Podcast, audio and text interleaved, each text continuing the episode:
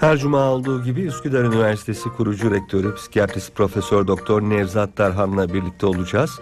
Ee, bu hafta kanser haftası dolayısıyla programlarımızın bir kısmını ve ana temasını kansere ayırıyoruz ve bu haftada bugün de daha doğrusu kanser hastalığında psikolojik iyi oluş ve manevi rehberliği e, Nevzat Hoca ile değerlendireceğiz. Şu anda Sayın Tarhan telefon hattında. Nevzat Hocam e, merhaba. Sesim Merhaba, geliyor mu size? Hakan Bey iyi yayınlar diliyorum. Sağ olun. Sizin sesiniz çok net geliyor. Benimki geliyor mu size? Tamam tabii geliyor şu an sorun yok. Peki. Ee, hocam moralin çok önemli olduğu sürekli söylenen hastalıklardan bir tanesi kanser ki e, bütün hastalıklarda moral birinci sırada olması gerekiyor e, bana kalırsa. Kanser hastalarında sık rastlanan psikolojik rahatsızlıklar neler diye açalım isterseniz. Tabii e, kanser hastalığı e, kronik hastalık en çok e, böyle bilinen e, e, korkulan bir hastalık grubu. Yani kronik hastalıklar içerisinde e, kan, kan, hastalık var. Kanser, koaktüm, kronik akciğer solunum yetmezliği olan hastalık. Diğeri de böbrek hastalığı, diyaliz gereken hastalıklar. Bu kronik, pek, çok kronik hastalık var ama bunlar çok kişide yani şu anda tıbbın tedavisiyle ilgili e, çok, e, birçok diyelim bir, bir bir durum olduğu zaman, başka bir şey olduğu zaman e, tıp çok iyi sonuçlanabiliyor ameliyatta. Düzelebileceğini kişiler bildiği için o ona yükledikleri anlam farklı oluyor. Ama kansere yüklenen anlam, bir koaktiyaliz hastalığında e, böbrek yetmezliğine yüklenen anlam çok farklı. Doğru. Onlar ölümü çağrıştırıyorlar hemen. Düzelmeyeceğini çağrıştırıyorlar. En, ve yani hayatın birçok konforunu kaybedeceklerini, bedeni rahatlarını kaybedeceklerine ilgili ciddi ve kaybediyorlar da gerçekten. E, hasta yaşam kaliteleri çok bozuluyor. Bu hastalıklar e, ruh sağlığını çok olumsuz etkiliyor. Bu nedenle bu gibi hastalıklar olanlara dünyada e, yapılan e, bir yöntem var. Manevi destek programları yapılıyor.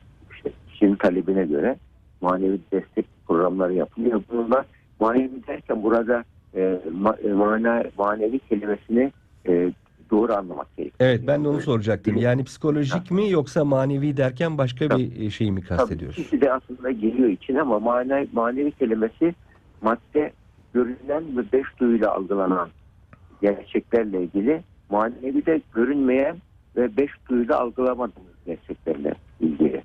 Bu, manevi kelimesi manevi kökünden geliyor anlamsal demek aslında. Hı hı, hı. Anlamsal demek. Yani bir, herhangi bir şeyin anlamsal boyutuna bakabilmek. Şimdi deftere kitaba bakıyorsunuz. O kitabın yazıları çok güzel yazılmış. Kitap kağıt çok kaliteli kullanmış. Bu gibi kağıdın e, e, nasıl yazıldığı ile ilgili ne kadar güzel e, e, e, düzenlendiği ile ilgili bilgi ama anlamsal boyutu kitabın içindeki yazdıkların anlamı oluyor. Bu iki, ikisini karıştırmamak gerekiyor. Şimdi bu e, kronik ölümle ilgili, hayatın sona erme ile ilgili e, konularda yani insan hayat yaşama gibi görünen kısımlar değil, görünen konular da sorgulamaya başladı. Çünkü insanda sadece e, sadece diğer canlılarda olmayan bu e, anlam arayışıyla ilgili zihin üstü genden söz anda. Diğer hiçbir canlıda anlam arayışı yok. Bir köpeğin hayal dünyasına baksanız anlam dünyasına e, kemik kemik vardır ama insanın anlam dünyası herkesin şahsa göre değişen. Doğru. Bu nedenle anlam arayışı böyle durumlarda anlam arayışına giriyor insana bir ağır hastalık durumlarında. O anlam konularda da kişi hayatın anlamını yapacak şeyler bulursa kronik hastalıklara daha iyi baş edebiliyor. Ama e, ölümün ölümü açıklama getiren bir anlam gerekiyor.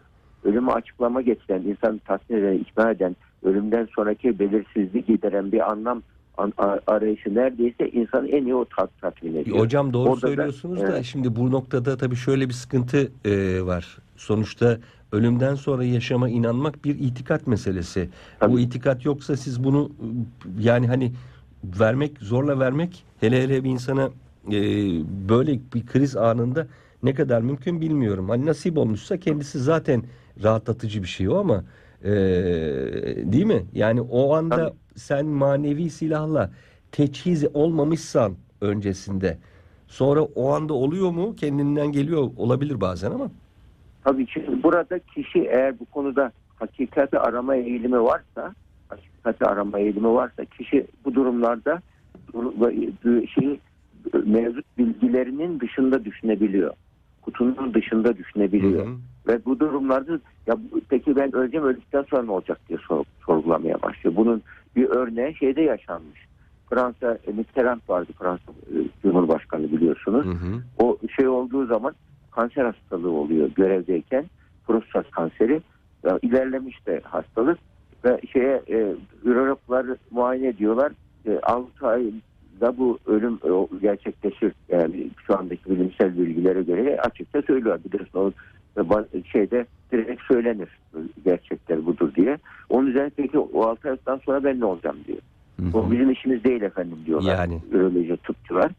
Öyle değildir diyorlar. O zaman bu, bu konuya e, kendisi de şey yani aslında e, Tanrı, bil- Tanrı tanımaz bir yaşam felsefesi var. Ruh Müzesi'nin önüne e, şey Mısır piramidi yaptırmış birisi. Yani antik Evet. çağa inanıyor, cinlere inanmayan birisi. Onun üzerine kitap yazılıyor onunla ikna etmek için. Yani onu e, sorusuna cevap bulmak için ölümden sonra ne olacağım diye ölümden sonra zaman kırılması olacak başka boyuta geçeceksiniz gibi bir kitap yazılıyor yani yazıyorlar fizikten hareketle Ha. bir kitap yazıyorlar yani ve bu şu anda bilimin şu anda menziline girdi artık Yani özellikle 2022 yılında yani geçen sene 3 tane fizikçi e, kuantum fizikçisi kuantum dolanıklıkla ilgili Nobel ödülü aldılar. Kuantum dolanıklık ne demek? Geçmiş ve gelecek aynı zamanda var demek. Kuantum bilinç anlaşıldı. Kuantum bilinçte geçmiş ve gelecek aynı zamanda var. Yani öldükten sonra insan sadece enerji bandını değiştiriyor. Şu anda yaşadığımız salınım ve titreşim e, ile yaşıyoruz. Yani şu anda madde diye bir şey yok aslında. Sadece elektromanyetik iplikçiler var.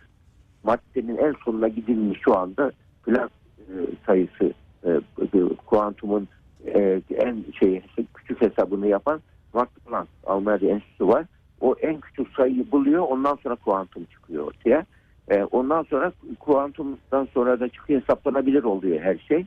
Her hesaplanabilir olduktan sonra insan e, ölüm ve ölümden sonrasıyla ilgili artık bilimin menziline girdi.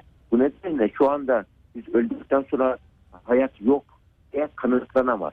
Kanıtlanamayan her şey de bilimin menzilindedir. Hı hı. Ölümden sonra hayat yok, Tanrı yok diye bir bilimsel kanıt sunulamadığı için bu konu inanç konusuna e, bırakılmış ama bu böyle durumlarda e, düşünce laboratuvarı gerekiyor. Düşünce laboratuvarı da akıldır. Akıl yürütme yöntemleriyle.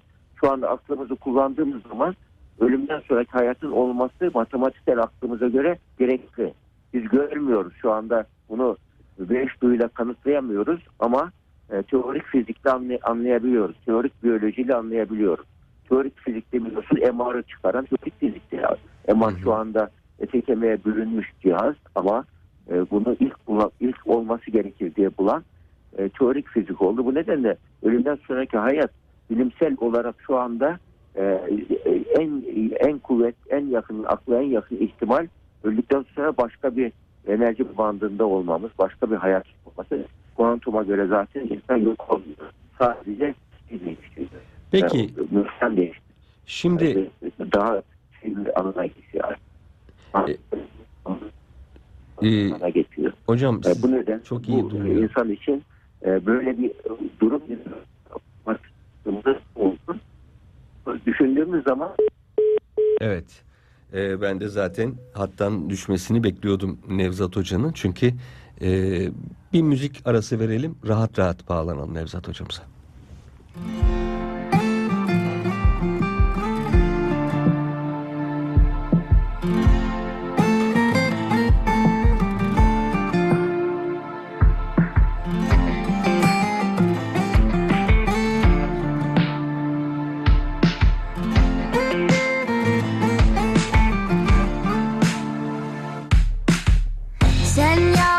çok seven küçücük şey. Ben kendine geç kalan bir kadın. Beni sevmesen de görmesen de hayat sürerdi yine. Ama kendimi sevmezdim şimdiki kadar.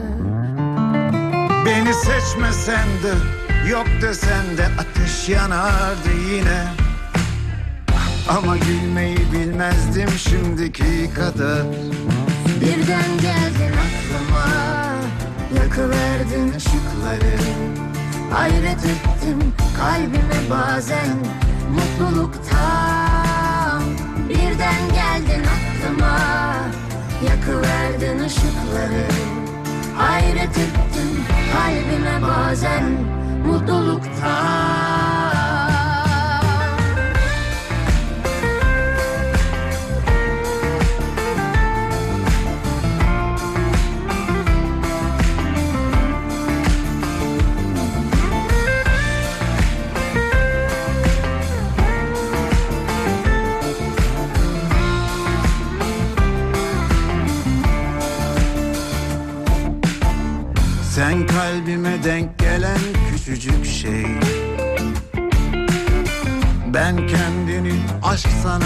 adam. Beni sevmesen de görmesen de hayat sürerdi yine.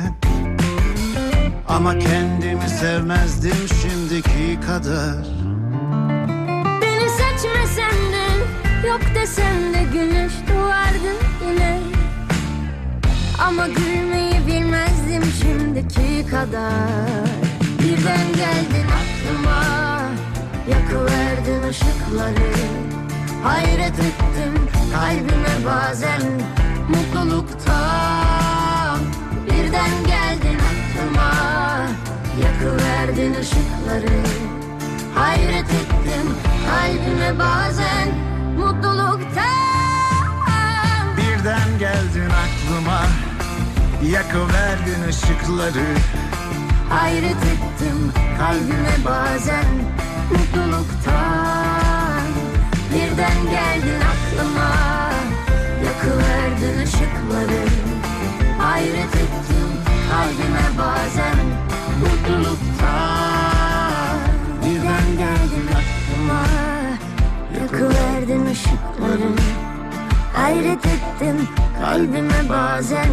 Mutluluktan Birden geldin aklıma Yakıverdin ışıkları Hayret ettim kalbime bazen mutluluktan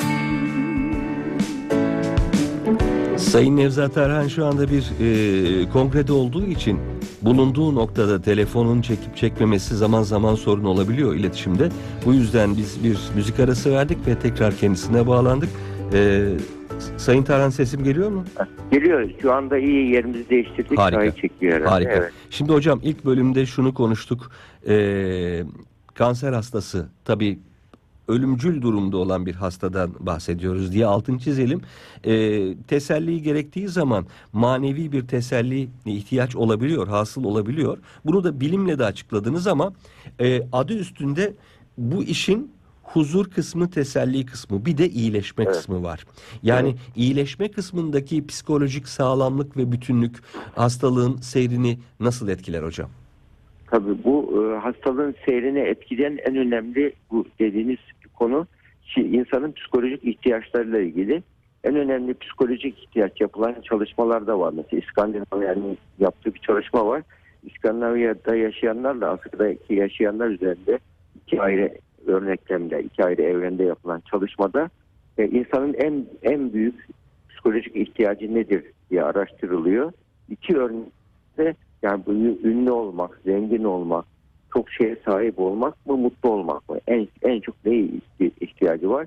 İki örneklemde de insanlar en çok mutlu olmayı daha çok. Hı hı. Yani psikoloji Evet yine sesimiz gitti. Ee, Alo. Alo sesim geliyor Ses- herhalde. Gitti hocam. Sesiniz bir gitti de o yüzden e, durdu. Şu anda evet, Devam edin lütfen. Ben Tamam. söyleyeceğim size.